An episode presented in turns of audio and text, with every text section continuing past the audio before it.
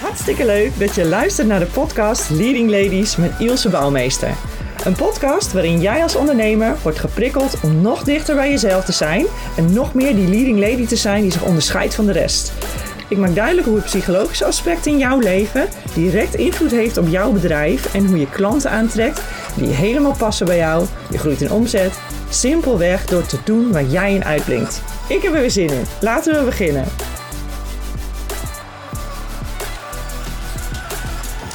Hey, wat leuk dat je weer luistert naar een nieuwe podcastaflevering van de Leading Ladies met Ilse Bouwmeester. En vandaag wil ik het met jullie hebben over traumaverwerking en veerkracht.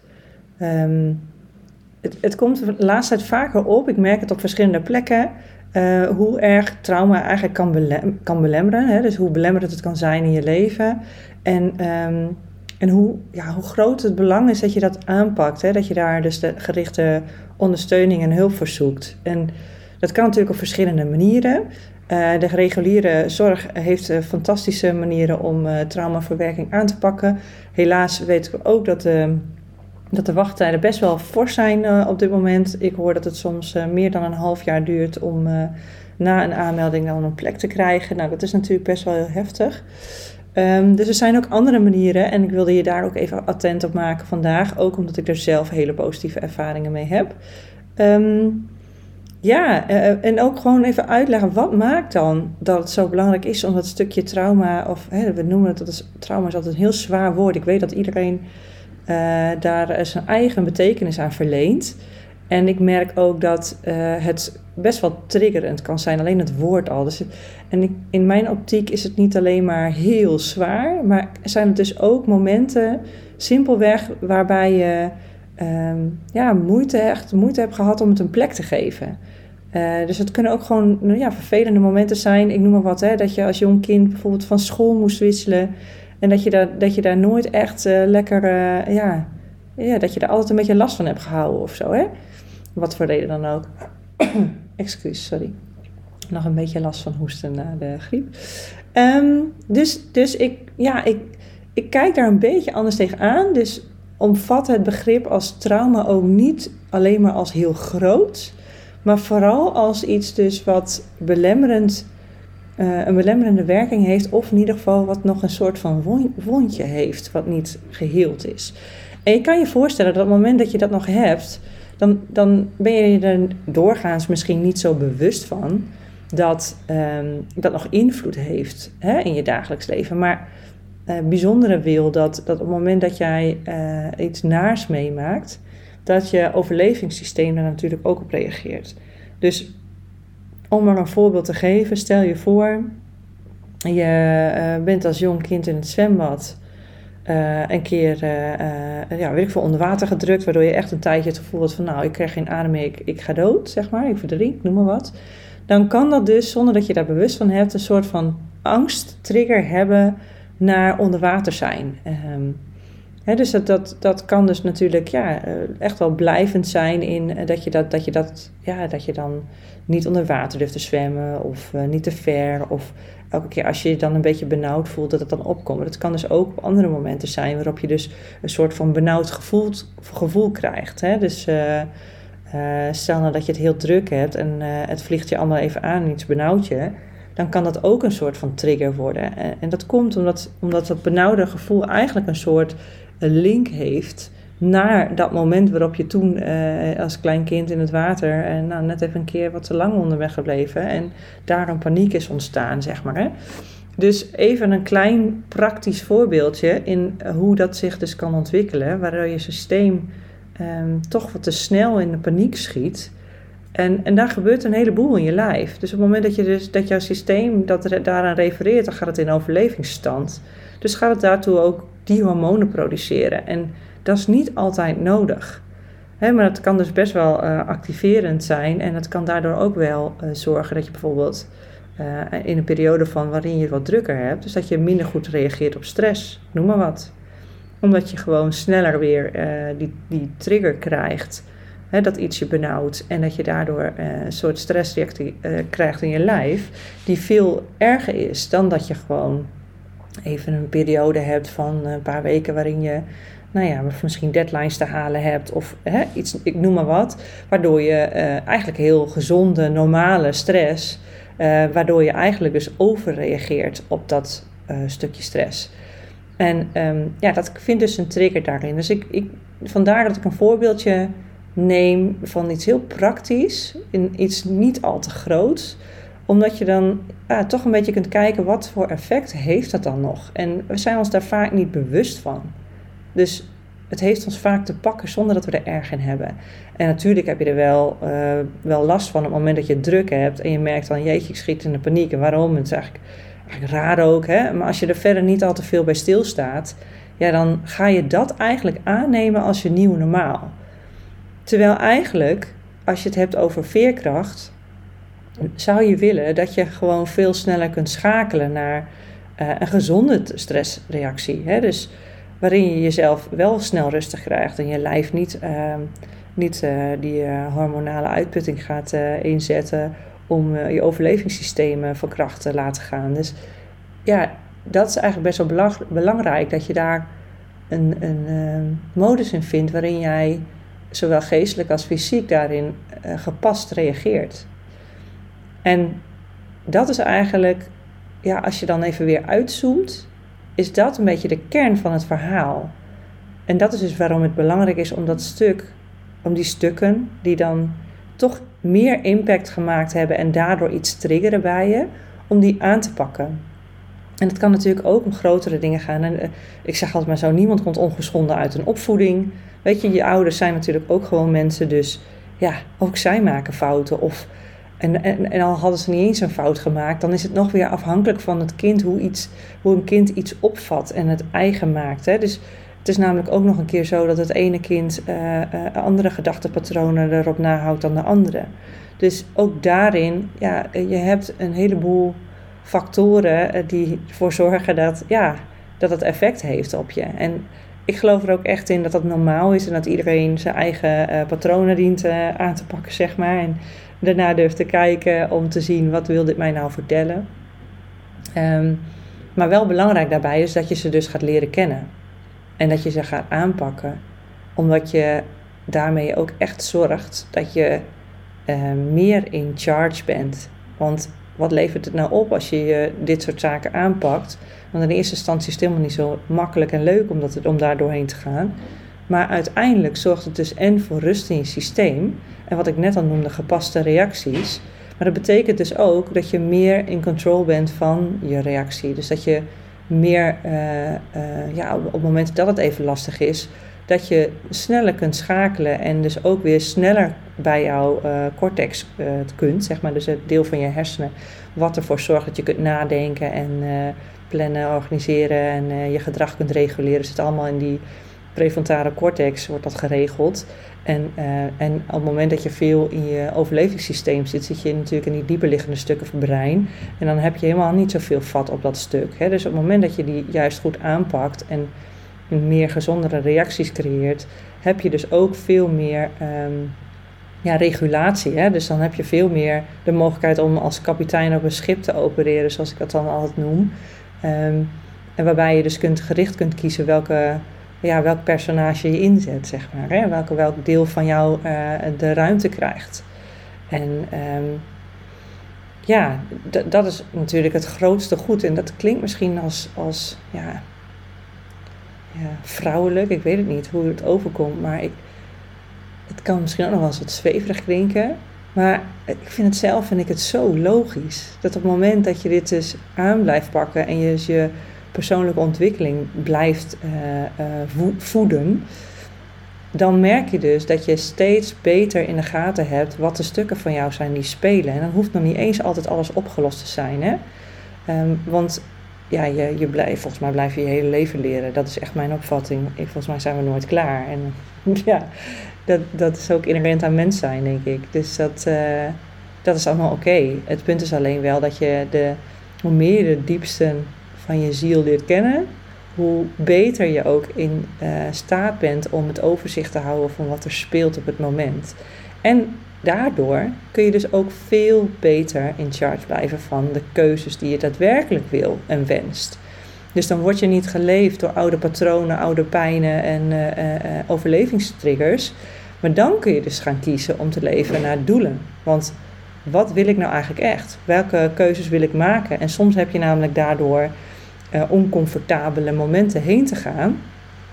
En zoals ik al zei, op het moment dat je daarin uh, dat, je, dat je meer gebruik kunt maken van die hersendelen, dus de, de prefrontale cortex, om dus echt bewuster te kiezen, ja, dan, dan heb je dus ook veel meer de mogelijkheid om gericht te kiezen in, de, in bijvoorbeeld je, je werk en je bedrijf. En met, oké, weet je, ik vind het nu misschien heel spannend of ik voel weerstand, maar ik weet dat ik dit te doen heb om, omdat ik daar naartoe wil. Ik wil dat doel bereiken en daar, zorgt, daar hoort ook een beetje pijn bij, er hoort leergeld bij, zullen we zeggen ja, dan is dat belangrijk om te doen. En dan kun je die keuzes veel bewuster maken.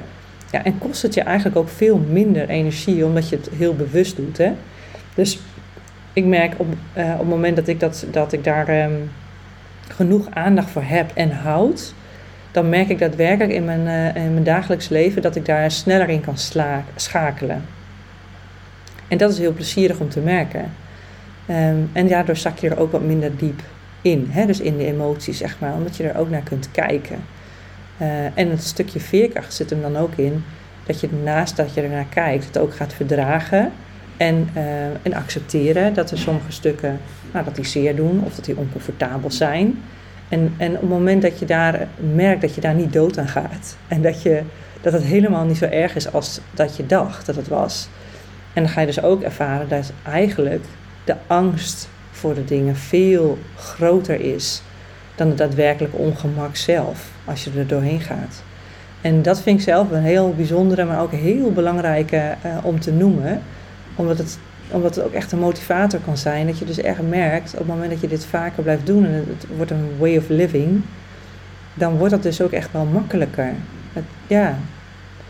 Dus het is net als met autorijden. Op het moment dat je dat gewoon veel doet, dan gaat het eigenlijk als vanzelf. En dan ja, dan, dan ervaar je dus de pijn die je in het begin daarvan voelde en met het leren, ja, die ervaar je dan veel minder.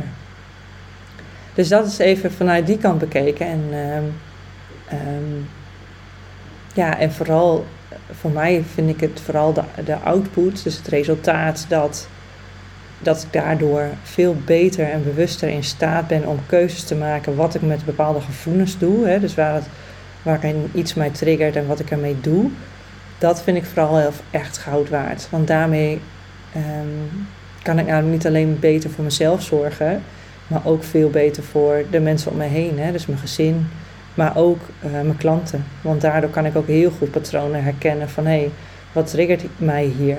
En luister ik daarna of niet? En wat, geef ik die, wat heeft diegene nodig en wat geef ik dan terug? Dus het is veel, ja, ik, ik kan daardoor veel mooiere slagen slaan, eigenlijk, hè, veel dieper gaan in, um, ja, in de patronen die ik dan voor me zie, zeg maar. En dat maakt ook dat ik het daar ja, veel beter kan verbaliseren, denk ik ook. Um, dus ik vind ook dat op het moment dat ik daar zelf uh, me in blijf ontwikkelen, dat ik daardoor ook een betere coach, therapeut, psycholoog, hoe je het noemen wil. Uh, volgens, volgens, mij mag ik ze allemaal noemen. um, ben. Ja, dus ik vind het zelf daar, daarin belangrijk voor mijn eigen professionele ontwikkeling, maar dus ook echt persoonlijk, want het, het geeft ja, op alle fronten van je leven uh, een flinke verrijking. En je kunt je dus ook voorstellen, op het moment dat je dit, uh, dit doet en je dus echt een beetje je, ja, ik zeg altijd maar, je interne rotzooi opruimt, dan neemt het minder ruimte in. En is er dus ook ruimte om weer die bold moves te maken. Hè? Dus om ook weer te zorgen dat jij uh, ja, toch wel spannende doelen gaat stellen die, uh, die je uit je comfortzone halen, maar die ook zorgen voor groei. Hè, dus zowel in je, in je bedrijf of uh, als leidinggevende, dat je, daar, dat je echt weer ergens voor durft te gaan staan, omdat je gewoon ruimte in je systeem hebt daarvoor en je dus ook veel reëler kan kijken naar wat, wat triggert mij nu en waar heb ik naar te luisteren of juist niet naar te luisteren. en dat, dat vind, ik, vind ik, ja, dat vind ik echt goud waard. Ja, zit even te denken hoor. Volgens mij heb ik dan het meest belangrijke wat ik voor vandaag wilde meegeven wel, um, wel gedaan. Ik hoop dat je er wat aan hebt gehad, dat ik het goed heb kunnen verwoorden.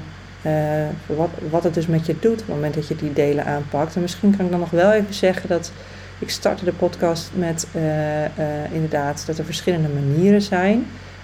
Ehm, ik heb ook zowel de reguliere als de alternatieve manieren gedaan daarvoor. En voor mij werkte zelf het, het NIJ heel erg goed, neuro-emotionele integratie. Dat is gebaseerd op zowel, eigenlijk zowel een stukje westerse als Chinese geneeskunst. En, um, en ik merk dat je daardoor heel veel dieper kunt gaan, omdat je contact maakt met je onderbewuste. En vanuit dat stuk kun je ook echt kijken naar waar zit die angel dan. Want soms is er ook iets voorgevallen wat je je niet actief herinnert. Maar wat er wel voor heeft gezorgd dat je een, een gedachtepatroon en een gedragspatroon daaraan hebt gekoppeld, die je in het dagelijks leven nu hinderen. En eh, ik zie altijd wel, um, je kunt een heleboel doen op wilskracht, maar ergens houdt uh, dat ook op. Dus, dus je onderbewuste en je bepaalde krachten in jezelf zeg maar, zijn best wel heel sterk. En eh, sommige dingen, sommige patronen kun je aanpakken op het gebied van wilskracht en keuze. En sommige hebben daarin nog wat meer nodig, omdat het ook een bepaald patroon dient. En vandaar dat ik dus zelf heel enthousiast ben over neuro-emotionele integratie. Ik ben daartoe ook opgeleid. Ik was, ik was zo onder de indruk van hoe dat voor mij heeft gewerkt. Ja, dan ben ik ook altijd wel zo dat ik dan denk: oké, nu wil ik weten hoe dit werkt en nu wil ik dit zelf ook kunnen. Dus dat heb ik gedaan. En uh, zodoende kan ik dus naast het reguliere stuk ook het alternatieve uh, aanbieden. Um, ja, en dat, dat, ja, goed, wat ik al zei, dat helpt. Het helpt voor een heleboel uh, zaken. Dus het kan, ja, het heeft bijvoorbeeld bij mij ook wel echt spanningshoofdpijn, zeg maar, stukken verminderd. Um, nou, wat wel een bijzonder moment is, is ik heb het ook wel met, met mijn kinderen dat ik, daar, dat, ik daar, dat ik dat doe. En, en mijn oudste zoon had bijvoorbeeld best wel angsten rondom het afzwemmen door zo'n hoepel. En ook dat, daar heeft hij echt maanden tegen aangehikt. Tot ik op een gegeven moment dacht, hé, hey, ik kan hem hier ook gewoon doorheen helpen. En dat hebben we gedaan. De dag daarna zwom hij door de hoepel heen. Prachtig voorbeeld vind ik dat. Uh, en zo zijn er legio hoor. Maar ook energetisch gezien kun je daarmee echt wel een verbetering ja, treffen. En nou zeg ik niet dat het daadwerkelijk een toverstaf is en je sweept is en het is klaar. Want wat je, waar je jaren over hebt gedaan om in te slijten, is natuurlijk niet na één keer per definitie weg. Maar ik moet wel zeggen dat het heel vaak en ook wel bij bepaalde klachten wel zo werkt. Uh, maar goed, daar kun je van tevoren niet altijd uh, helderheid over geven. In ieder geval zijn er voor mij genoeg voorbeelden geweest waarin het echt concreet is geweest dat het heeft gewerkt. En uh, ja, dat kan ik zeker aanraden. Excuus.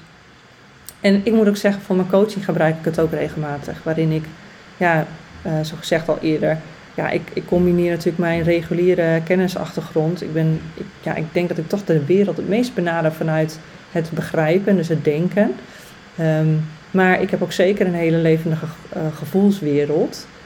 Die, ja, wat, dus het denken en het voelen wil ik daarin echt wel aan elkaar verbonden hebben. En uh, ja, dat heb ik hierin ook echt wel gevonden. Dat ik dus en het stuk regulier en het begrijpen, maar ook een stuk uh, alternatief heb kunnen verbinden aan elkaar, waarin, waardoor, er gewoon ja, hele goede resultaten mogelijk zijn. En wat ik dus heel erg leuk vind om te doen, is als ik dus gerichte momenten zie in de coaching, waarin, waarin ik merk, hey, dit is een terugkerend patroon, dat kunnen we nu gaan aanpakken. Ja, en diegene daar ook echt voor open staat, het meest belangrijke. dan, kun je, dan kunnen we echt in een hele korte tijd echt meters maken dat zie je dus echt terug in het gedrag. Het is ook mega interessant om dan na een paar weken te horen van hé, hey, hoe gaat het nu en wat, wat merk je dan nu wat aan verschillen? Ja, en da, daar, uh, eigenlijk moet ik daar nog veel meer over opschrijven. Want dat is echt goud waard. dan kan ik nog veel meer voorbeelden bedenken. Ja, uh, maar ja, dat, dat hoor ik dus re regelmatig terug. Dat het ontzettend heeft geholpen. En ook in kleine stapjes die die je pas weer, als je er echt naar gaat kijken, bewust wordt van hé, hey, ik doe nu niet meer dat. Of goh, ik heb eigenlijk sindsdien weer, uh, ben ik niet meer wakker geweest s'nachts. Of nou ja, dat soort voorbeelden. Dat je, ja, net zoals dat je bijvoorbeeld pijn hebt, als het dan in één keer weg is, ja, dan mis je dat natuurlijk niet. Maar als je er dan even bij nagaat, dan denk je, oh ja, het heeft dus toch gezorgd dat ik, dat ik geen last meer had. Nou, dat soort zaken. Fantastisch mooi. Maar goed, het helpt je dus ook om echt door te pakken in die bold moves en af en toe waarin jij jezelf belemmert om dat stuk door te pakken in je bedrijf of in, uh, in je werk als leidinggevende. Ja, dan merk je echt dat je daardoor soms net even die duw krijgt die je nodig hebt. Ik vind het echt prachtig om te zien. Uh, nou, tot zover. Dus, dus kijk vooral ook even naar het stuk voor jezelf. Wat past bij mij. Uh, en, en, ook durf eens nieuwsgierig te zijn. Hè. Ik, ik heb mezelf uh, jarenlang dat niet gegund. Um, en, maar ik merk door, door de keuze die ik bewust maakte, waarin ik dacht, ik ga mezelf dat dus wat meer gunnen om het onbekende te verkennen, zeg maar. Ook dus op dit stuk.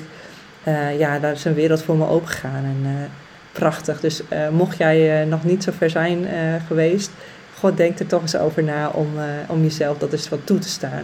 En als het niet voor jou werkt, is het ook oké. Maar ja, ik moet zeggen, had, had ik dat even wat eerder gedaan. dus bij deze, mocht je dit duwtje net even nodig hebben, uh, alsjeblieft. En laat me even weten als het, wat het voor je heeft gedaan.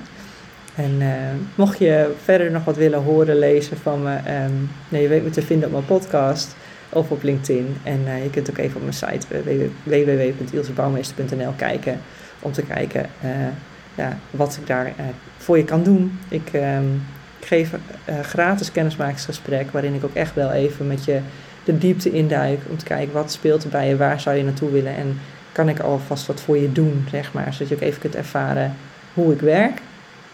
En ja, nou ja, mocht je dat aanspreken, dan zie ik je heel graag daar. En uh, anders dan, uh, wie weet tot in de volgende podcast. Dankjewel voor het luisteren. Heel erg bedankt voor het luisteren naar deze podcast. Als je deze podcast interessant vond, zou je dan alsjeblieft één ding voor me kunnen doen? Abonneer je op mijn podcast door in Apple op de drie puntjes te klikken en vervolgens volg programma aan te klikken. Of op Spotify klik je op de drie puntjes en vink je volgen aan.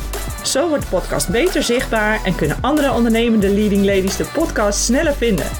Als je dan toch bezig bent, zou je dan ook een review willen geven? Dat zou ik enorm waarderen. Dankjewel. Als je wilt reageren op de podcast, zoek me dan even op op LinkedIn en stuur me een berichtje. Daar ben ik het meest actief. Het is nogal eenzijdig zenden als uh, podcastmaker, dus berichtjes ontvangen vind ik erg fijn. Je kunt me vinden onder mijn naam Ilse Bouwmeester. Nogmaals bedankt voor het luisteren en tot de volgende podcast.